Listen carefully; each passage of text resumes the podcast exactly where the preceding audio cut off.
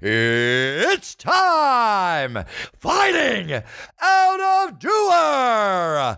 Presenting the reigning, defending, undisputed voice of MMA in Hungary, Joe Sakal!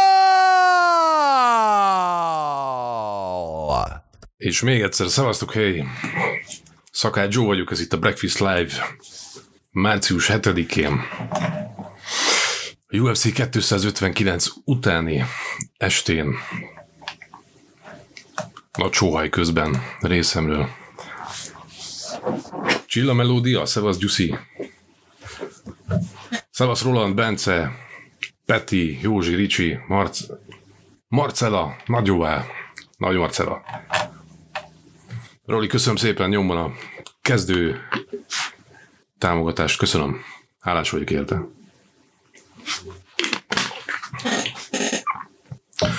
Mindjárt belecsapok, várok még egy-két egy-két percet, hogy felfusson a stream.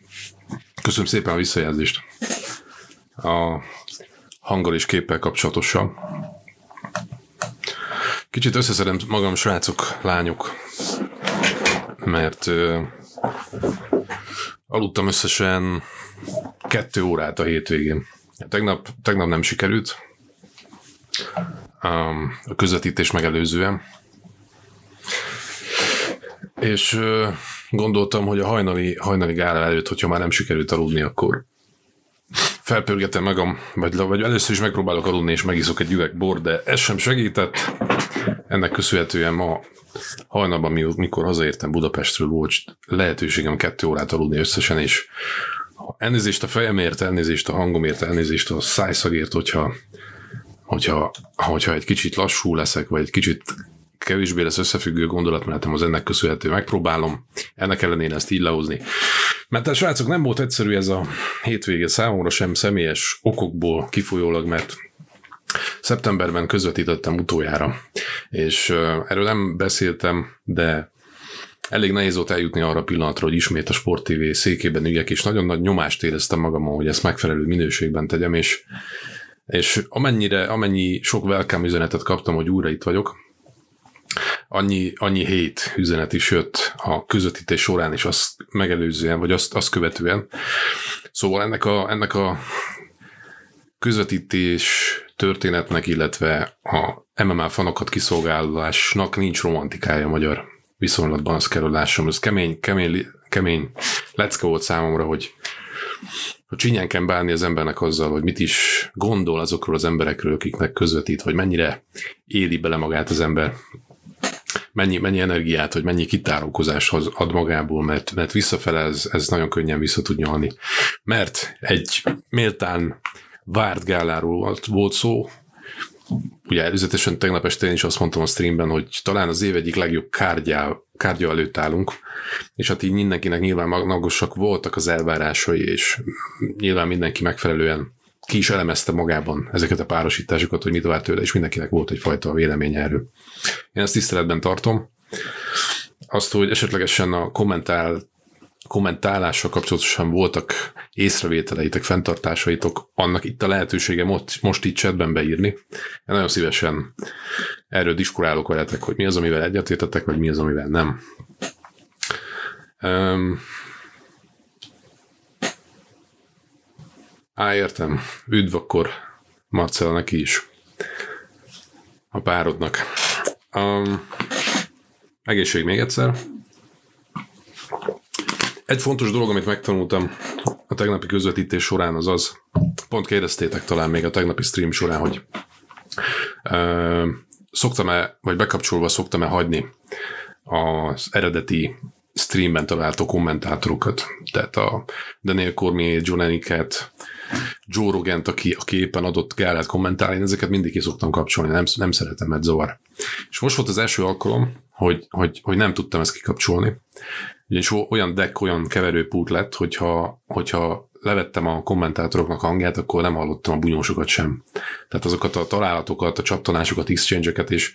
Um, és úgy végig a filemen volt az, amit mondtak. a másik oldalon. Ez egy nagy leszven volt számomra, hogy, hogy milyen hatással, vagy milyen befolyással tud lenni az, hogyha a háttérben hallod azt, hogy mit mondanak Daniel Cormier és Joe Roganik. Ez csak a háttérhez. Cryptic message, aki szeretné, az megérti. De összességében Köszönöm szépen a, a, a biztató szavakat, de, de ez nagyon-nagyon jó. Semmi sincs véletlenül, mindenből nagyon sokat tud tanulni az ember. Lesz szó könnyű súlyról, gondolod István lesz szó?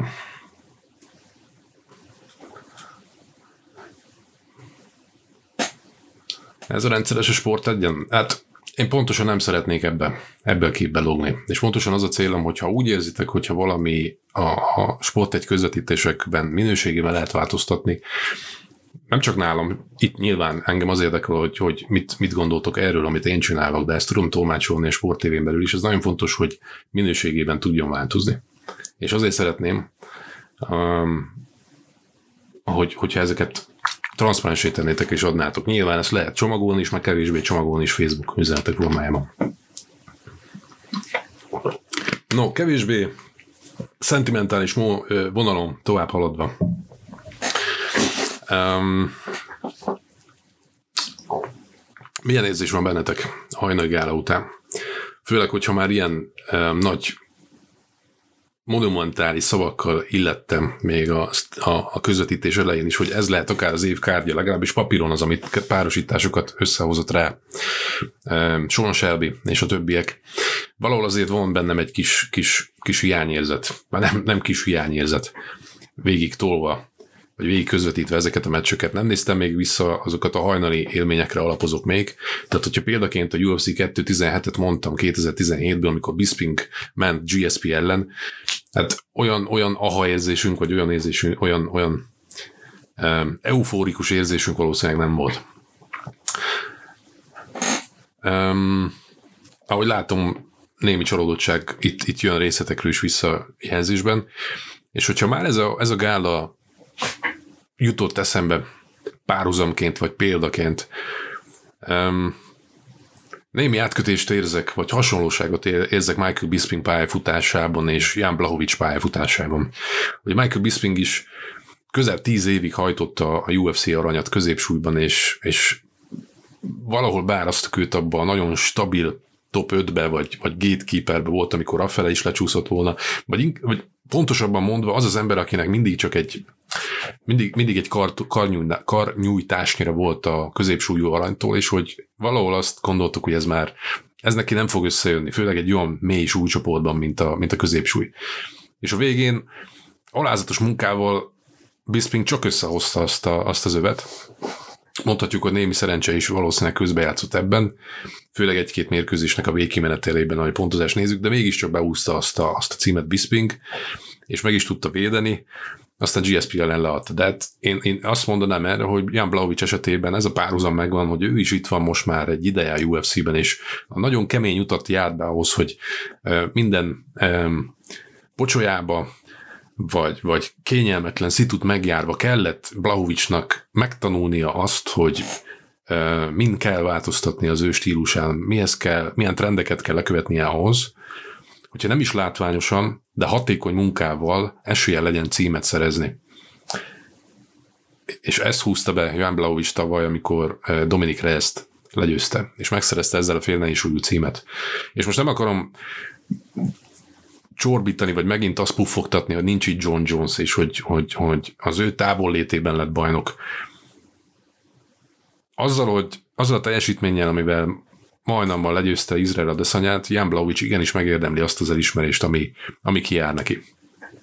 És hogyha ez nem lett volna egyértelmű a tegnapi streamemben és a mai közvetítésem során, abszolút Jan Blahovic megérdemli, és meg kell, hogy érdemelje azt a tiszteletet, ami most kijár neki. Amit nem kapott meg a UFC-től, és nem kapott meg a fanok egy részétől, és bízom benne, hogy ez most, ez most valamilyen formában megérkezik hozzá mert megérdemelni. És, és nem szeretem azokat a hangokat sem, amikor azt mondják, hogy, hogy, hogy e, az a Reyes, akit megvert, az nem az a Reyes volt, aki, aki John Jones ellen ment, valószínűleg problémái voltak. Ez mind olyan, hogy mind-mind feltevés. Blahovic a bajnok, és ma hajnalban ez a Jan Blahovic egyértelműen megverte Izrael Adesanyát is ezen a címmérkőzésen. És hogyha a közvetítésem során ez az egyik, amit felróttatok nekem, hogy részrehajló voltam, vagy lehettem, az valószínűleg annak köszönhető be, mert Blaovic tól azt szerettem volna látni, hogy olyan hangsúlyosan van, olyan, olyan ö, egyértelmű törekvése mutatja be, vagy egyértelműen tálalja azokat a támadásokat, amiket, amiket, amúgy, is, am, amiket amúgy is elküldött, vagy ami a statisztika, amit a statisztika mutatott ez a jó kifejezésre a menetek végén, hogy a pontozókban ne legyen kérdés a felő az, az irányában, hogy ki tudja pontozással vinni ezt a mérkőzést. Hát, hogyha megnézitek a pontozó lapokat, mondjuk erről is érdemes külön beszélgetni, ezt a meccset volt, volt olyan pontozó, akinél kettő, kettő menetet vitt a deszanya. Tehát 3-2, hogyha a meneteket nézzük, lehetett volna ez 4-1 is. tehát volt, volt egy-két olyan menet, ahol billegett a a pontozóknál, és ad, tudták adni ide és oda is. Viszont a statisztika, a találatok, a hangsúlyos indított ütések és találatok száma egyértelműen Blahovic előnyét mutatta minden menetben. Tehát ami engem frusztrált elsősorban az, hogy Jan Blahovic bármennyire is egy, nem, nem azt mondom, hogy Isten adta tehetség, de egy nagyon um, megbízható és egy letisztult, az ő lehetőségeihez mérten letisztult bunyóval rendelkezik, mégsem tudunk felidézni a kiütéseink kívül olyan megmozdulásokat tőle ketrezben, ami emlékezetes lenne. Tehát ő egy nagyon jó munkás ember, és az a baj, hogy ez képes elfedni a kvalitásait egy ilyen ellenfél ellen, mint Izrael Adesanya. És azért adhattak ne, Adesanyának is menetet úgy, hogy esetlegesen többet talált ellene Blaovic az adott menetben. Ez egy nagyon furcsa dolog szerintem, amit, amit, amit szem előtt kell tartanunk. És hogyha azon a mérkőzésein, ahol nem ütötte ki az ellenfeleit, például ott volt a, a Zsakaré elleni mérkőzés, ott láthattuk is, hogy, hogy Splittel győzött, és, és nem azokra a mérkőzésre emlékszünk Blaovic kapcsán, hanem a kiütéseire. Ami nem jött itt most a Deszanya ellen, de ez, ez és, és ha nincs esetlegesen a negyedik, ötödik menet, amikor egyértelműen kijön a birkó előnye neki, és Adesanyának a hátránya, akkor, akkor nem tudom, hogy pontozó lapokon lehetett volna esetleg kérdés. És hogyha már birkózás. István, nagyon szépen köszönöm a támogatást. És hogyha már birkó. Ugye megpróbálkozott a földrevitelre Blaovic az első menetben, ha jól emlékszem, az elsőben, vagy a másodikban. Ugye Ketrec falánál próbálta levinni e, a földre Adeszanyát is. Viszonylag könnyen lehámozta magáról azt a egy-két kísérletet Adeszanya. És utólag belegondolva, a Ketrec fala volt az, amit elsősorban erre használni tudott az Adesanya. Tehát a kitámasztás, a csípőnek a stabilizálása, az underhook, ez volt neki segítsége. Viszont amikor nem a ketrec falánál jött a földreviteli kísérlet a negyedikben, amikor Blahovics bent a ketrecben kvázi kiemeltését földre vitte, ott bántóan bántóan egyszerűnek tűnt, ahogy ez Blahovics csinálta. Maga a földrevitel is, és utána, amit földön rakott Adesanyára. Ne felejtsük el, hogy feketőves Jitsusról van szó Blahovic képében, aki valószínűleg 7-8, akár 9 kilóval több volt, és ennek megfelelően terhelt Adesanyára.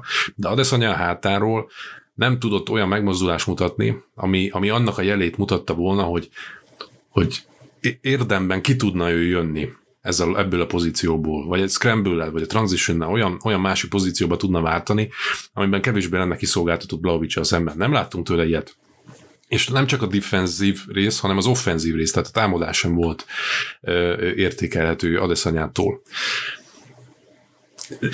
Nincs ez a baj, ezt, való, ezt valahol sejteni lehetett, és mondjuk mi középsúlyban Vettori ellen ezt már láthattuk, vagy ennek a jeleit láthattuk, és ezt felettette mondjuk valamely és Gastelum ellenében, ez mindenképpen egy, egy, egy intőjel, vagy egy, egy felfedése Adesanya hiányosságainak a középsúlyúak számára, amivel lehetséges, hogy ezután tudatosan élni tudnak, vagy akarnak. Abban nem akarok belegondolni, hogy, hogy John Jones mire lett volna képes így. Az a Jones, aki nagyon hasonló ö, taktikával tudott működni még jó pár mérkőzése ezelőtt, amikor előszeretettel használta, vagy jobban használta a földet és a Grand Poundot, hogy mit tudott volna így Jones csinálni ezzel az adeszanyával, vagy mit tudott volna csinálni Texére, ez mind-mind ha.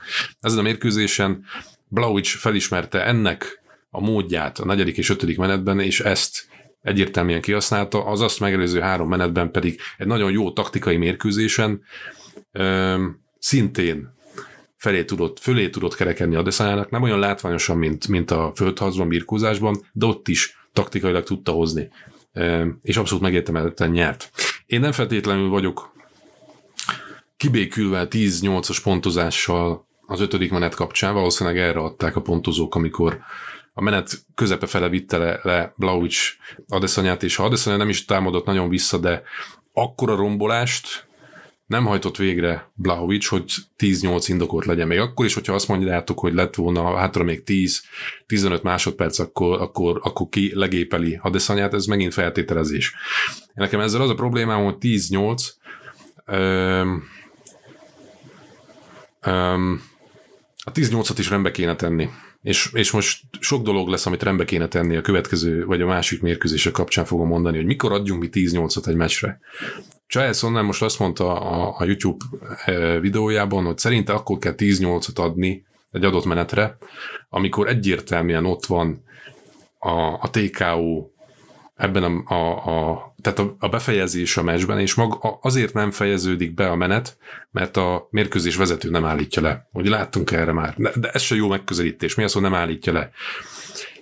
érezzük azt, hogy milyen, milyen ingatag lábakon állnak ezek a történetek. Tehát egyértelmű dominancia 10-8 esetén ez viszont nagyon szubjektív.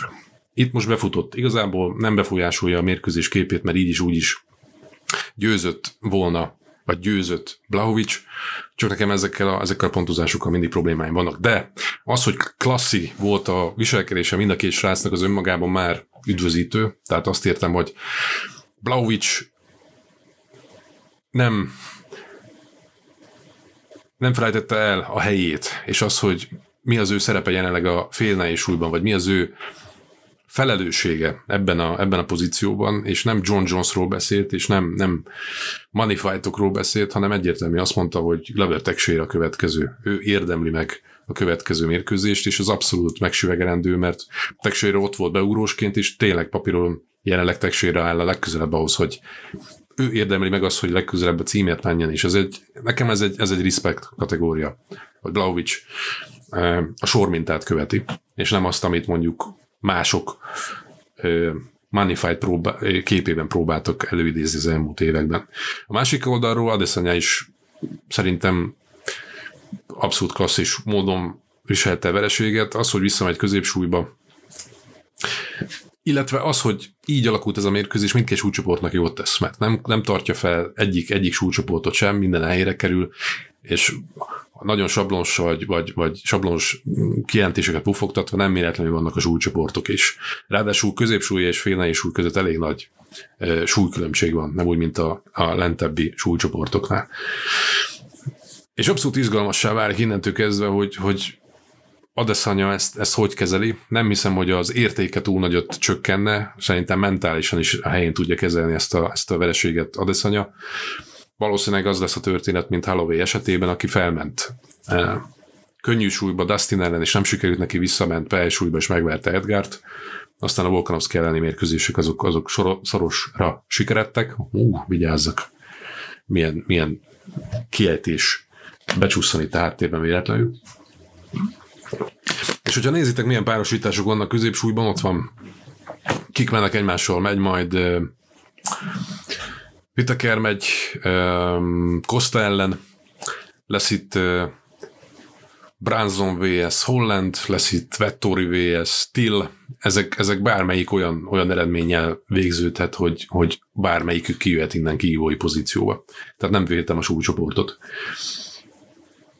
És azon gondolkodom, hogy kik voltak olyanok, akik, akik felmentek még mondjuk korábban és hasonló sikereket értek. Tehát kikaptak, tehát nem sikerült nekik az egy súlycsoport a feljebbi cím, címszerzési kísérlet, de visszatérve foly, ott folytatták, ahol abba hagyták. Maxwell Holloway mellett talán egy korábbi példa a BJ-pen, amikor felment George St. Pierre ellen a váltósúly címére, amit nem sikerült megszerezni, visszament könnyű súlyba, és talán élete két legjobb uh, teljesítményét hozta, akkor még ment Kenny Florian ellen, meg, meg Joe, Joe Daddy Stevenson ellen, ha jól emlékszem. És igen, Holloway, amit írsz, ezt már említettem, Max Holloway. Szóval um, nem félek, nem félek ettől, hogy mi következik, és még egyszer Jan Blaovic megérdemli a tiszteletet. Ahogy, ahogy nem volt igazából vesztes ennek a mérkőzésnek abból a szempontból, hogy tudom, hogy a héterek vártak arra, vagy vágytak arra, hogy Adesanya kikapjon, és valahol ez is, ez is befolyásolta azt a kommenteket, amit kaptam, hogy, hogy hogy miért lehettem elfogult Adeszanyával szemben, vagy úgy értelmezték, hogy elfogult voltam Adeszanyával szemben, nem. Ezt most megmondom csak így, nem szeretem ezeket kijelenteni szakkommentátorként, mert utána erre fogjátok az elfogultságomat. Én pont, hogy nem szimpatizálok Adeszanyával, de ez az én saját szubjektív véleményem. Én itt azt szerettem volt abban a közvetítés során, hogy Blaovic egyértelműen meg tudja mutatni, és ne legyen kérdés a pontozólapokon, hogy, hogy ő, ő, ő az ő munkája Adesanya ellen Mit akartam ebből, hogy nincs ennek vesztes ennek a bunyónak? Mert hogyha belegondoltok, igen, még egy gondolat csak, is öt menetről beszélünk Adeszanyáról, tehát öt menetet ment um, Jan Blahovics ellen, és hogyha belegondoltok, a korábbi középsúlyú bajnok Luke Rockhold uh, mennyit bírt Blahovics ellen, vagy mennyit bírt ellen Anderson, és így tovább azért így ebből szempontból is nézzétek azt a teljesítményt, amit, amit Adesanya mutatott. Mind a kettő heads off, és megérdemelt a győzelem. Egészség Brauvicsnak, egészség Adesanyának.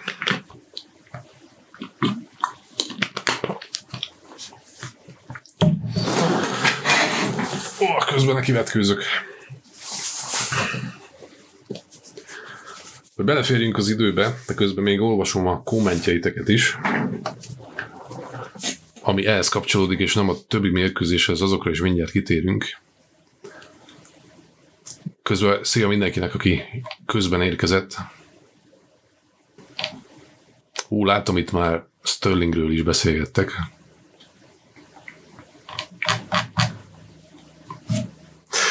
Akkor jöjjön a jöjjön a Sterling vs. Jan mérkőzés, mert látom, hogy ez már terítéken van ez volt én ezt a mérkőzést vártam, vagy ezt a párosítást vártam leginkább a kárdom. Ezt mondtam tegnap is, meg a közvetítés során is, hogy a harmadsúly az egyik, súlycsop, egyik kedvenc súlycsoportom most, tekintve az, hogy milyen, milyen, milyen kaliberű srácok bunyóznak benne, és milyen um, elképesztő teljesítményeket hoznak szinte kivétel nélkül a, a meccseiken. És vártam már azt, hogy Sterling végre megkapja a lehetőséget egy címmérkőzésem, és vártam azt, hogy Peter Jan a a tényleges top 5-ből találkozzon valakivel ebben a súlycsoportban, és címet védjem. Én, én nem, én nehezen adom meg a bizalmat alapvetően a bunyósoknak, és nekem, nekem szükségem volt arra, hogy Péter Jánt lássam egy top 5-ös harmadsúlyú ellen, és ne egy, ne egy Ádó ellen, és ne egy Féber ellen legyen az meg, hogy ő, ő odavaló. Tényleg. Legyen ez a tűzkeresség, vagy vízkeresség, és, és ezt most megkaptuk. És egy nagyon-nagyon jó választ kaptam én személy szerint arra, hogy ki is ez a Péter Ján kvalitásaiban a harmadsúlyhoz mérten. És ez igaz volt egészen a negyedik menetig, ha jól emlékszem, a negyedik menetig. Tehát az a taktika, ami a Sterling kijött, az a Funk, Funkmaster, a hozzá, hozzá stílusban illő felfogás, az egy jó elgondolás volt, hogy belemástott Jánnak az arcába, csak ezt a, ezt a fordulatszámot és ezt a pressziót, vagy ez, ez az a megközelítés akkor működik, hogyha ezt folyamatosan flóban fent tudja tartani egészen akár öt meneten keresztül. És itt a fontos a flow hatás, mert csak úgy működik. És amint van ebben egy kis, kis törés, akár fénytek miatt, vagy akár bármi, bármi olyan dolog, amit nem tud lekezelni Sterling, és hogyha megtörik ez a flow, um, akkor megtörik az elán is, és megtörik a kondi, kondi, kondi vonal is, nem tudom, hogy fogalmazzam. És akkor, akkor ez, a, ez a pörgés az átmegy kondi égetésbe. És hát ez már a második, harmadik menetnél elkezdett, elkezdett ez kijönni. Főleg úgy, hogy Péter Ján lassú kezdő, Sterling szépen pörgött az első menetben, a másodikra, harmadikra viszont egyrészt elfogyott alól ez a lendület, viszont Péter Ján megkezdett a szokásához szíven belejönni a mérkőzésbe, és véleményem szerint zseniális ez a csávó. Tehát az, hogy felismeri a, a, a ritmusváltásokat, az, ahogy az, hogy arról beszéltünk, hogy elég lehet az ő birkója Sterlingnek a földreviteli kísérletei ellen, meg a földjei ellen, Sterlingnek 5%-ban volt sikere a földreviteli kísérletekkel, tehát abból a nem is tudom, 10x, 10x próbálkozásából egy sikerült, míg, míg Péter Jának az összes, tehát bármit, bármikor próbálkozott Sterling ellen mindig földre tudta vinni. Ez egy másik kérdés, hogy ott mit akart, vagy akart egyáltalán valamit kezdeni földön, ha már, ha már, ha már nyerekben volt állva. Um, az, ahogy, az, ahogy a földreviteli kísérleteket a saját, saját javára fordította Péter Ján, engem meggyőzött a csávó. Tehát ez, ez, ez egyben van ez a csomag harmadsúlyban. Érdekesség, hogy ennek ellenére, és hogyha már pontozásról beszélünk, hogy, hogy egészen szétesett Sterling szerintem a második, harmadik, harmadik menetre biztosan, a pontozó lapokon még mindig vezetett amikor a negyedik menetre fordultak, és ez egy fontos, fontos információ, vagy momentum véleményem szerint. Az ominózus pont, amikor is Sterling lent volt a földön, és az azért fontos, mert a mérkőzés addigi szakaszában legalább, ha emlékeim, lehet, hogy vissza kell néznem a meccset, úgy emlékszem, hogy volt legalább három-négy olyan alkalom, amikor nagyon hasonló pozícióban ott mondjuk úgy, hogy googolt, vagy ült a földön Jánnal szemben Sterling, ez a sokadik ilyen alkalom volt, és ö, ismét elérkeztünk egy ilyenhez, és azért fontos ez a momentum, mert sokat gyára fordult elő, és a mérkőzés vezető mondta azt, hogy grounded opponent, az azt jelenti, hogy földön lévő ellenfél, amivel jelzi Ján számára, hogy nem támadhatod a fejét rúgással. Jánnak meg elvileg segített a sarka is, meg állítólag még ott volt Habib is a környéken, ő is bekiabált, és ebnek az egésznek egy olyan félreértés massza lett a vége, amiben én is nyakig belekeveredtem a közvetítés során, mert abból szögből, ahol eredetileg láttam, vagy ahogy egy pillanatra láttam, úgy láttam, hogy len van mind a két térde Sterlingnek. Utána hiába módosítottam, vagy javítottam, hogy az egyik térde volt, csak len nyilván el is lecsaptak a kommentjének, ezúttal is üdvözlöm őket. A lényegen nem változtat. A lényeg ugyanis az, hogy nem egyértelmű egy adott pillanatban a Földön lévő ellenfél definíciója, az érintkezési pontjai a Földdel. Ugyanis az alapdefiníció az, hogyha három ponton érintkezik valaki a Földdel, akkor onnantól kezdve nem támadható rúgással, térdel, stomkikkel, focival, bármivel nem, nem támadható az ő feje. A három pont ebben az esetben megvolt. Az egyik, egyik tér lent volt, két lábfej, megvan a három pont. Az a baj, hogy a mérkőzéseket megelőzően alapvetően, amikor a szabályokat ismertetik, és ezt most Péter Ján is megerősítette, arra tértek ki a mérkőzés vezetők, vagy arra tért ki a mérkőzés vezető, hogy mi van akkor, hogyha a két kéz van lent. És nyilván a két láb mellett a két kéz, vagy a egyik láb, két kéz. Na mindegy, erre figyel Péter Ján, hogy nincs lent egyik keze sem Sterlingnek. Állítólag megerősítette ebbe Sarka is, állítólag Habib is valamit bekiabált, és ő el, el, eltolta ezt a térdest. Ezzel az a baj, hogy, hogy gondolkodni kell ezen a szabályon. Tehát gondolkodni kell a mérkőzés során, egy mérkőzés vezetőnek akár meg kell erősítenie, vagy jelezni kell, hogy ez jó vagy nem jó. Az egy másik dolog, hogy Péter Ján esetleg nem ért angolul, és ennek ellenére elküldte ezt a térdest. Nem jó a szabály, vagy nem egyértelmű a szabály. Ezzel szerintem valamit kezdeni kell. A másik fontos dolog, ha már becsúszott ez a térd, és Sterling elég sokat kapott fejre, és utána ettől kiterült, az azon ment elsősorban a diszkuszió, vagy a lamentáció komment szekcióban részletekről, hogy itt most színészkezett ez Sterling vagy sem. Én erre még azt tudom mondani, hogy nem mindegy. Sterling szempontjából nem mindegy. Még egy gondolat. Ezt nem a mérkőzés vezető Sterlinget kérdezte meg, hogy tudja-e folytatni. Tehát a mérkőzés vezető egy egyértelműen illegális technika után annak a félnek a kezébe teszi a döntést, aki elszenvedte ezt az illegális támadást. Ez több sebből vérzik ez a történet. Miért? Mert hogyha ő kezébe adod a döntést, ott van Aljama Sterling, aki úgy érzi, emberek vagyunk, valószínűleg érezte azt, hogy, hogy nehéz helyzetben van ezen a mérkőzésem. És ha még esetleg vázolják is számára, hogyha feladja, az diszkvalifikáció, és innentől kezdve ő a bajnok, megjegyzem azt is azért át kéne gondolni, a diszkvalifikációnál értelmezzük el jövőben, hogy, hogy egy bajnoki cím gazdát cserél.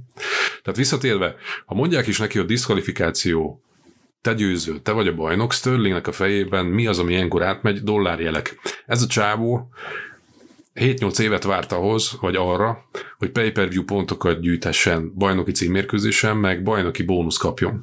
Tehát, hogyha te kezedbe teszik egy ilyen mérkőzésen a döntést, te mit fogsz dönteni? Mondhatjátok erre, hogy itt van a Budó, vagy itt van a sportszellem. Ez, ezt nem lehet egy ilyen bunyósnak a kezébe tenni. És azért nem konzisztens ez a rendszer, mert volt erre egy hasonló példa nem is olyan régen, amikor Anthony Smith ment John Jones ellen. Jones ugyanígy, tehát az is egy, az is egy bajnoki mérkőzés volt. Jones ugyan ott is fejbe térte, térdelte Anthony Smith-t izomból, ott is megállt a mérkőzés, vagy leállították, pontosabban szünetelt a mérkőzés, és ott a mérkőzés vezető megkérdezte Anthony Smith-t, hogy akarod-e folytatni. Anthony Smith meg erre azt mondta, hogy igen, és utána szépen kikapott John Jones ellen. Ott mindenki azt mondta, hogy mennyire fasz a gyerek Smith. Mire ment ezzel Anthony Smith azóta? Kérdezem én. Mi, mi, milyen előnye származott ez? A tiszteletünk? Tiszteletben egyértelműen emlékszünk erre, erre momentumra, ezért tiszteljük Anthony Smith-t, vagy utána, amikor kikapott mondjuk tegsőire jelen, akkor azt mondjuk, hogy már nem kéne erőteszni ezt Anthony eh, eh, igazából azt akarom ebből kihozni, és hogyha nem konzisztenség, hogyha ez egyértelműen illegális technika, és diszkvalifikáció, akkor ne adjuk a döntésjogát annak a félnek a kezébe, aki elszenvedte ezt. Akkor legyen, legyen egyértelműen konzisztens a, a döntési rendszer ebben, és le, leállítják ezt a mérkőzést. Ahogy azt is le kellett volna állítani. És hogy még ne legyen egyértelmű ez a dolog, ott volt a Alvarez vs. Poirier mérkőzés, ahol szintén uh, Alvarez úgy térdelte szét Dustin fejét, hogy három ponton érintkezett a talajhoz, azt a mérkőzés viszont mégsem diszkvalifikáció lett a vége, hanem no contest. És ezért voltam én is bajba a közvetítés során, mert ott állt egy tanástalan mérkőzésvezető, bejön egy doktor, egy orvos, aki nem, nem vizsgálja meg Sterlinget, és Sterlingtől kérdezi, hogy jó vagy. Ez, ez egy szubjektív visszajelzés. És a végén leintik a mérkőzést, és ha abból indulok ki, hogy egyszer volt ez egy no contest, meg volt egy diszkvalifikáció, is lehetett volna belőle, kinek, az övére, vagy kinek a derekára kerül az öv? Ez abszolút nem, nem egyértelmű közeg, és ez nem jó. Ezt, ezt, ezt, a, ezt a szabályoknak az átgondolásával kell valószínűleg ezen, ezen, ezen előre segíteni. Mert valószínűleg lesznek még ilyen esetek. Ha nem is olyan gyakran, de pont látjátok, hogy pont a, nem, a, a, a legrosszabb szituációban jön, ilyen, jön ez, mint, mint, mint például egy címmérkőzés. És tudom, hogy sokatokban az rémlet fel, ha régi motorosok vagytok, hogy, hogy a Badr Hari Remy Bonjanskinak a 2000 mikor volt? 8-ban volt ez a K1 találkozásuk, amikor, amikor mindketten nagy sztárnak számítottak, és Badr nem bírta vérével, és megtaposta a földön Bonyánszkit. És mindenki azt mondta, hogy nem volt az olyan taposás, nem volt az ere, olyan erejű taposás, hogy ne tudta volna Bonyánszki folytatni. És lehet, lehet, hogy így van. De azon a mérkőzésen Badr Hari vétett és a szabályok értelmében diszkvalifikálni kellett. Ezen a mérkőzésen pedig Péter Ján vétett. Azért lehet kérdés, hogy direkt vagy nem direkt. Valószínűleg nem direkt csinálta. Azzal, hogy nem tudta Adjama Sterling folytatni ezt a mérkőzést, ő viszont nem vétett a szabályokkal szemben. Ezt mindenki maga teszi úgyis majd a szívében a helyére az, hogy Sterlinget mennyire fogja ezáltal kedvelni vagy nem kedvelni.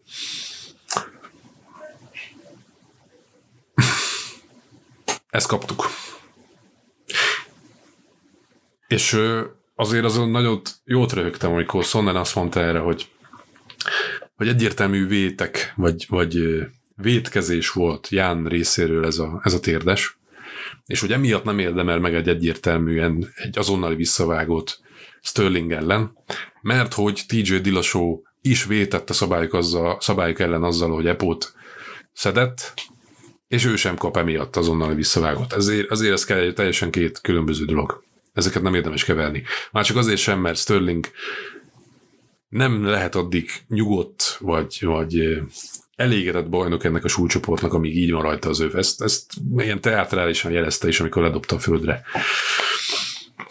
Szóval nem, nem így kellett volna ennek a mérkőzésnek véget érni, én csak azt akarom mondani, hogy mielőtt mindenki arra, vagy a többség arra hegyezné ki ezt a történetet, hogy Sterling Oscar díjat érdemel, ez nem ilyen fekete-fehér, véleményem szerint.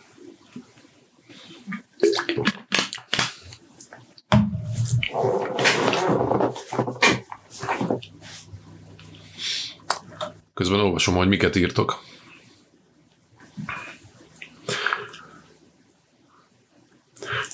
Kovics Károly, igen, hogy megnyert meccs, igen, viszont a pontozó, a pontozó lapokon, ha jól tudom, volt olyan, olyan pontozó, akinél Sterling vezetett.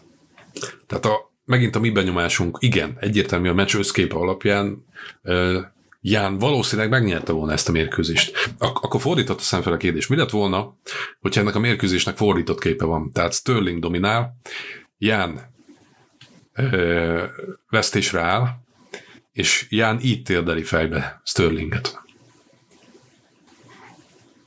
És így nem tudja Sterling folytatni a mérkőzést. Tehát most azt mondják, hogy ez egy, ez egy kiút, kiút volt Sterlingnek, mert úgy érezte, hogy, hogy nem, nem jönnek össze itt a dolgok. De mi lett volna, hogyha ő dominált volna? Akkor is azt mondanánk rá, hogy Oscar Díjas. Ezeket csak gondolatébresztőnek teszem fel kérdésként.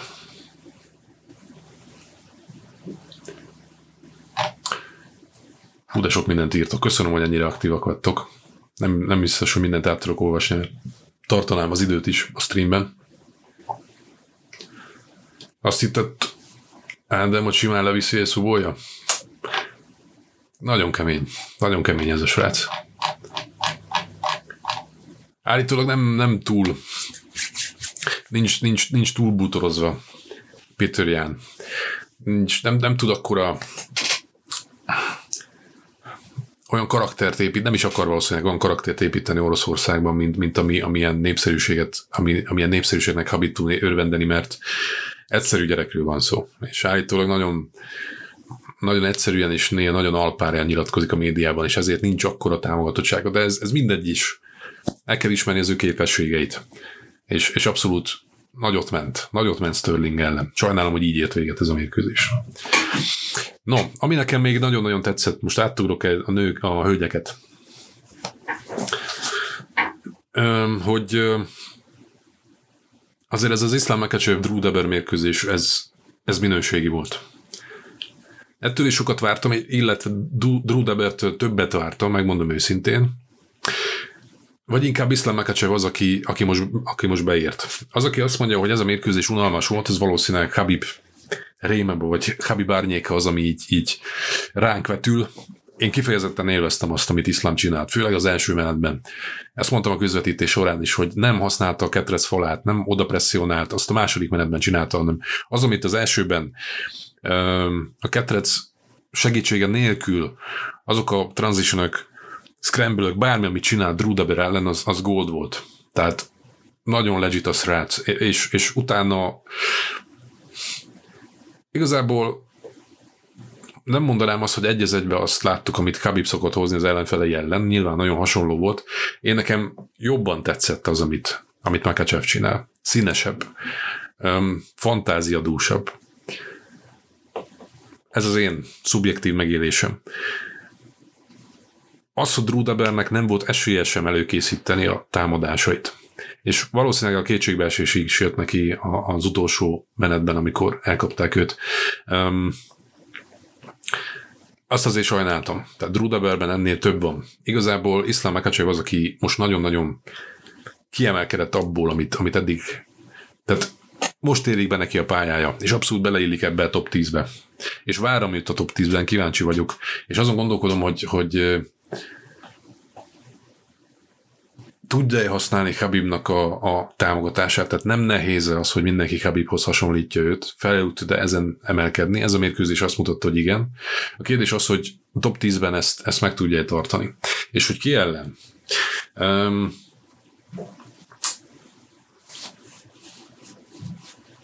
közvetítés során én Olivérát mondtam.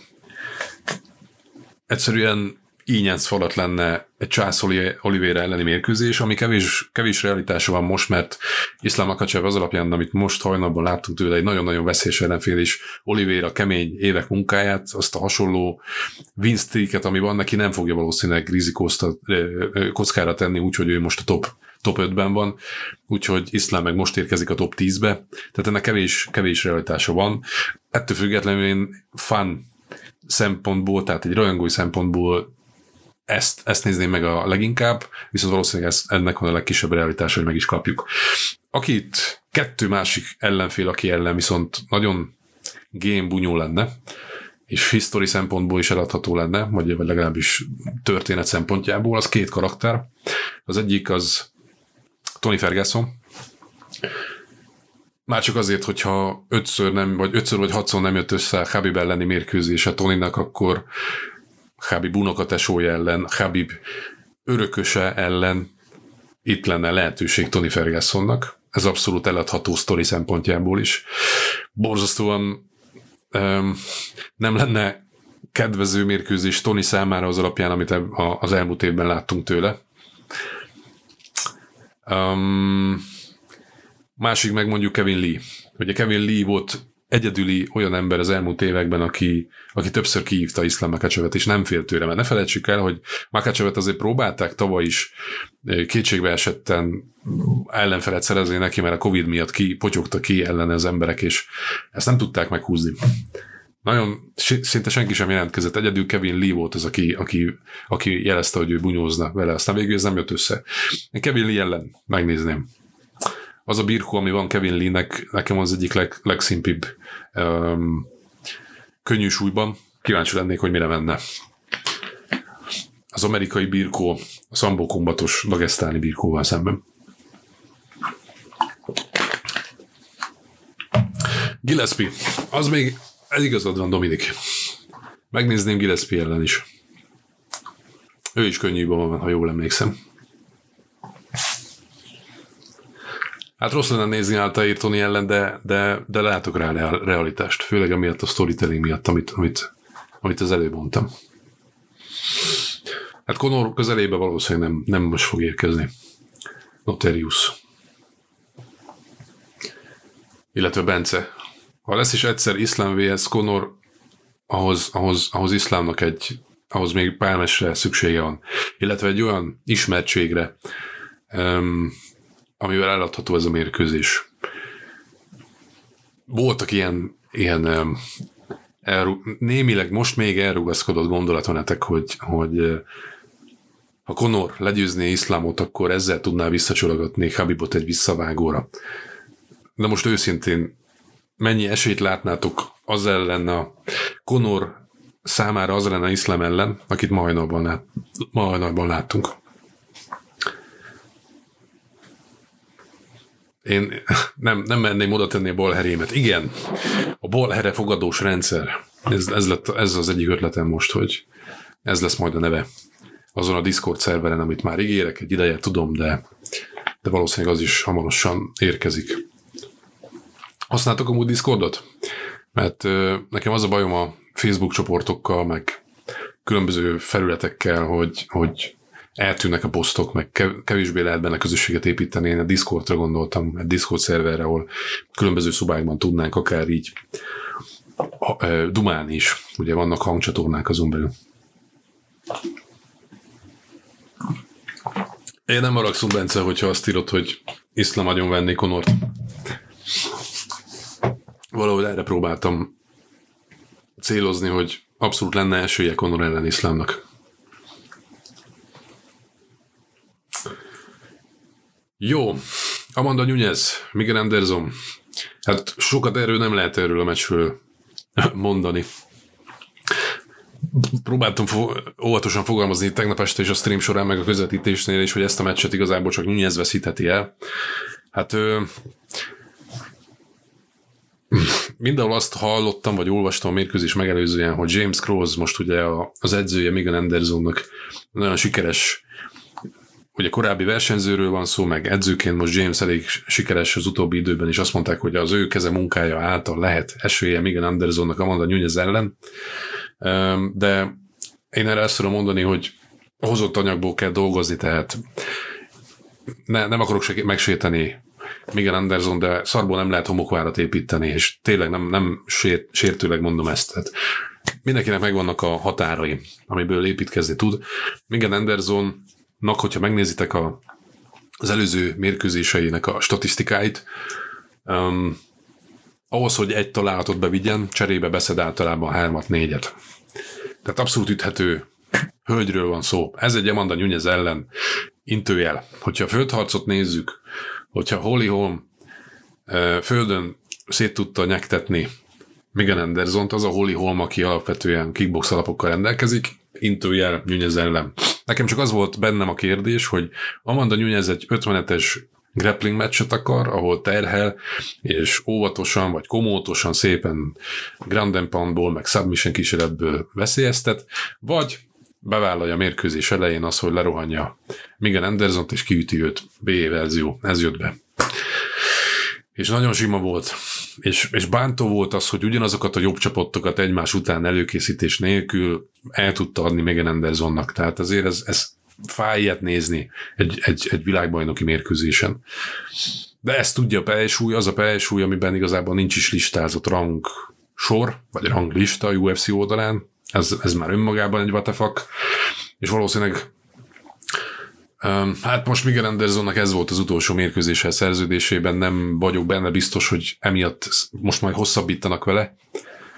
Nem véletlenül építette a Twitch csatornáját az utóbbi időben, meg nem véletlenül mondja el minden esetben Miguel Anderson, hogy nagyon szívesen lenne kommentátor a UFC-nél, tehát ő már a, a pályafutása utáni szakaszra koncentrál szerintem. Itt még meg volt a lehetőség, de ez a millióból egyszer sajnos kategória, és hogy ne, ne, zárjuk, ne zárják be pálysúlyt, még lesz itt egy a Spencer vs. Wolf mérkőzésünk április-májusban, tehát már csak ezért indokolt az a, a súlycsoport megtartása azon párosítás miatt, bár nem tudom, hogy a Spencer nyer, akkor még egyszer mennyire lesz kedve nyúnyeznek menni ellene, mert ugye legutóbb őt rakta el. És igen, itt írjátok, um, ha, ha magát a harmadsúlyt nézzük, hogy milyen lehetőségei vannak nyúnyeznek, Elvileg most a Penya vs. Holy Hall mérkőzés Holy kiesése miatt kurba esik, viszont Penya mindenkinek aki létezik a UFC-nél próbálja eladni, hogy akkor őt rakják be Nyonyez ellen. Lehet, de ez is egy sajnos tekintve a mostani harmadsúlyú vagy, vagy Juliana Penyának a rezoméját, nem hiszem, hogy ő lesz az, aki képes megrendíteni ezt, az a mondan Nyonyezt. Én nekem az egyetlen kívánságom az, hogy mielőtt Visszavonul Amanda Nunez, azelőtt még legyen egy harmadik mérkőzés Sevcsenkóval. Erre valószínűleg harmadsúlyban kéne, hogy sor kerüljön, mert, mert nem tud lefogyasztani Sevcsenkóhoz Amanda. Sevcsenkót meg láttuk már harmadsúlyban. Itt azt kéne bevállalni a Sevcsenkónak, hogy pontosan ezt a súlybeli különbség grizikót bevállalva harmadszor megpróbálja lenőz, legyőzni Amanda Nunez-t. Megjegyzem, a második mérkőzésen szerintem azt a meccset lehetett volna adni Sevcsenkónak is ez a mi még benne van lehetőségként is, amire szükség lenne szerintem a hölgyeknél MMA szempontjából. Azon felül meg nem túl kecsegtető a hölgyek horizontja. Dominik azt mondott, hogy Megan súlykategóriák Stefan Struvia mindene megvan, és mégsem tudja használni. Ez egy szép példa. Bence, aztán jöhet még Valentina Wengli, ezzel egyetértek. Én itt arra gondolok, hogy Nuneznek kinek kell még menni az, az előtt, hogy mielőtt egyszer visszavonul, az pedig Shevchenko jelen állás szerint.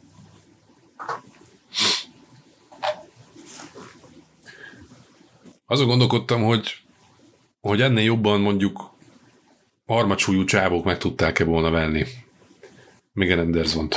Tehát, hogy, hogyha Péter Jánt állították ki volna vele szembe, az, az is valószínűleg hasonló rombolást hajtott volna végre rajta, mint Nunez. Más, más kategória ez a ez most már a, a Mama Nunez. Azt mondtuk, hogy elpuhulhat egy frászt. Lengellő volt a teljesítménye. Hát a Rakic vs. Santos az, az ilyen Hát attól sokkal többet vártam attól a mérkőzéstől. Megmondom őszintén, hogy, hogy félne is új. Én tökre lelkes voltam, hogy John Jones nyomasztó jelenléte, bármennyire is tisztelem őt, és nagyon-nagyon szerettem a pályafutása korábbi szakaszában elsősorban. Után, hogy, fel, hogy, hogy, hogy meg, megindulnak itt a top 5 egymás ellen, kiki alapon, bárki odaérhet címmerkőzés közelébe, abból kiindul hogy Santos, nemrég még Jones-t megszorongatta, Rakic, szép okos bunyókat mutatott az utóbbi időben, itt van Texeira, bejött a képbe Jizsi Prohácka, aki kiütötte Özdemirt, és abszolút legit volt ez a, ez a, ez a Santos vs. Rakic main cardon. Én még azt is el tudtam volna képzelni, hogy, hogyha egy, egy brutál teljesítményt hoz bármelyik srác, akkor, akkor Dana White meggyőzhető, hogy valamelyikük beelőzze, a győztes beelőzze a Glover Texeirát, ehhez képest jött egy nagyon futottak még mérkőzés, ami, ami sajnos kezd most uh, Rakicsnál az utóbbi időszakban egy bevett szokássá válni, azzal szemben, amit korábban láttunk tőle. Szóval um, oké, okay, nyert a jobbik ezen a meccsen, Santos valószínűleg Santosnak elment, elment a bizalma a térdeiben és a testében. Tehát nagyon sokszor megtorpant, és nem úgy jött előre, mint a korábbi mérkőzésein. Még hogyha voltak szép találata is, de, de Rakic megint okosan bunyózva oldotta meg ezt a meccset. Nem volt szép mérkőzés. Rakic, Rakic ennél, Rakicben ennél több van. És hogyha súlycsoport jövőbeli arcát látjuk benne, vagy hát nagyon sokan ezt látják benne, akkor valószínűleg emlékezetesebb teljesítményekre van szükség. Ezt kaptuk, nem baj, nincs ezzel baj, csak Santos ezzel nehéz helyzetbe kerül egyben. Um, Joe lehet Jones vs. Blahovic. Nem ez a mérkőzés volt, ami miatt John Jones szerintem meggyőzhetővé vált, hogy jöjjön vissza fél nehéz súlyba. Nem hiszem. Akkor tudom elképzelni, hogyha Jones esetleg címet szerez nehéz súlyban, és Blahovic addig lehoz még két-három címmérkőzést, címvédést, és akkor, akkor lesz egy lesz egy ilyen megint csem-csem mérkőzés, de amúgy nem hiszem, hogy Blahovic az, aki ellen most szeretne, szeretne menni. Jones, vagy megérné számára. Mert az a baj, hogy nem hoz, vagy nem fog hozni Blahovic számára ez a Adesanya elleni győzelem egy akkora népszerűségbeli növekedés, és most elsősorban Egyesült Államokra gondolok, ami, ami, ami segíteni őt ebben. És ami nagyon furcsa, hogy John Jones hiába szerintem minden idők legjobb MMA-sa, és a félne és úgy domináns ever bajnoka, sosem tudott olyan eh, olyan nézettséget generálni a UFC számára, ami alátámasztotta volna az ő gót státuszát. Ez egy furcsa, furcsa adottsága Jonesnak, vagy legalábbis valószínűleg um, annak, hogy nem tudatosan építette magát a, a médiában. És itt most ne a balhékra gondoljatok, mert hogyha ennyi erővel Conor, Conor részéről Conornál is a balhék voltak, és a Jonesnál is a balhé emelhette volna ezt, nem. Tehát Jones nem építette a pályafutásot úgy, azon recept alapján, amit már párszor mondtam, hogy sose, sose jelölt ki maga számára két-három következő előtte álló nemezést vagy ellenfelet. Nem volt megtervezve előre Jones íve, ahogy ezt mondjuk zseniálisan csinálta Izzy az elmúlt időszakban. Tehát nem Jones építette a beefet Izzyvel, hanem ez Izzy-től jött elsősorban. So, és így van, Gergő, ezután kuka a Jones és az Adesanya mérkőzés, legalábbis jó időre. Hát, hogyha a UFC Blaovic elleni mérkőzéssel próbálta felépíteni az Adesanya vs. Jones-t, az most, az most kuka. Lehetséges, hogy ezt, ezt, ezt, a, ezt a lépcsőt ki kellett volna hagyni, de ez most már mi lett volna, ha kategória. Azt elfelejtetjük biztosan.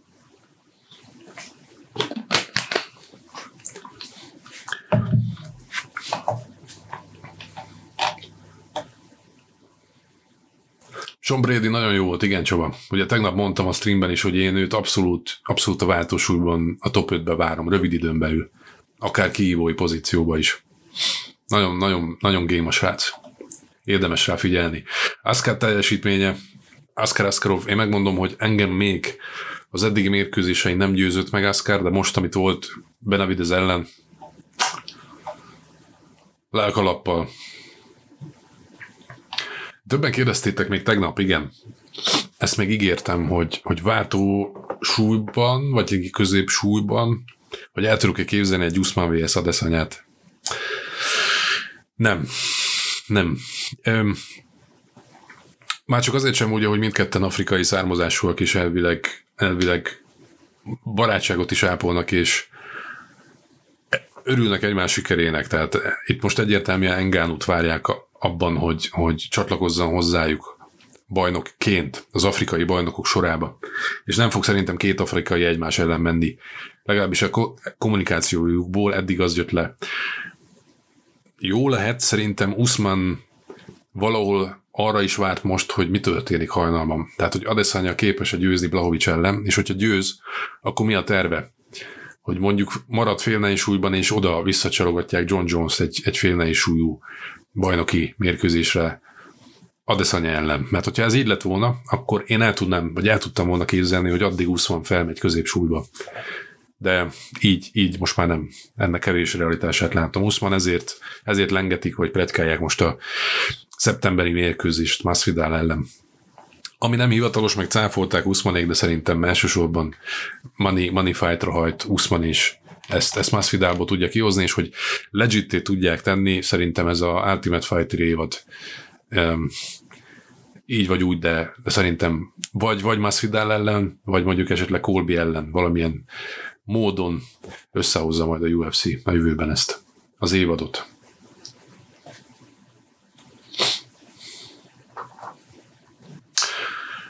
Igen. Izinek, ahogy mondtam, nagyon jó mérkőzés lehetőségei vannak középsúlyban. Most már értelmet nyer azáltal, hogy kikapott Blaovic ellen szerintem egy Vitaker elleni visszavágó úgy, hogy Vitaker ellen mit láttunk, milyen öm, milyen ö, szép teljesítményt az előző mérkőzésein, de mondjuk ha Kevin Hollandnak a vonatja ugyanúgy robog tovább, mint az elmúlt évben, és tudja hozni Derek Brunson-t, akkor abszolút style-style mérkőzés lesz. Mérkőzés lenne egy Kevin Holland elleni mérkőzése Adesanyának, azt nagyon megnézném. De ott van még Marvin Vettori, ugye ott egy split decision-nel tudott győzni annó, és Vettori megint jön fel, de ahhoz még kéne menni a Liverpooli hülye gyerek ellen, bocsánat, Vettorinek, tehát nagyon, nagyon izgalmas párosítások alakultak ki időközben. Szép, szép következő egy-két év áll a súlycsoport előtt. De srácok, hölgyek, én, én ennyit szerettem volna összefoglalásként hozni a hajnali UFC 259-ről.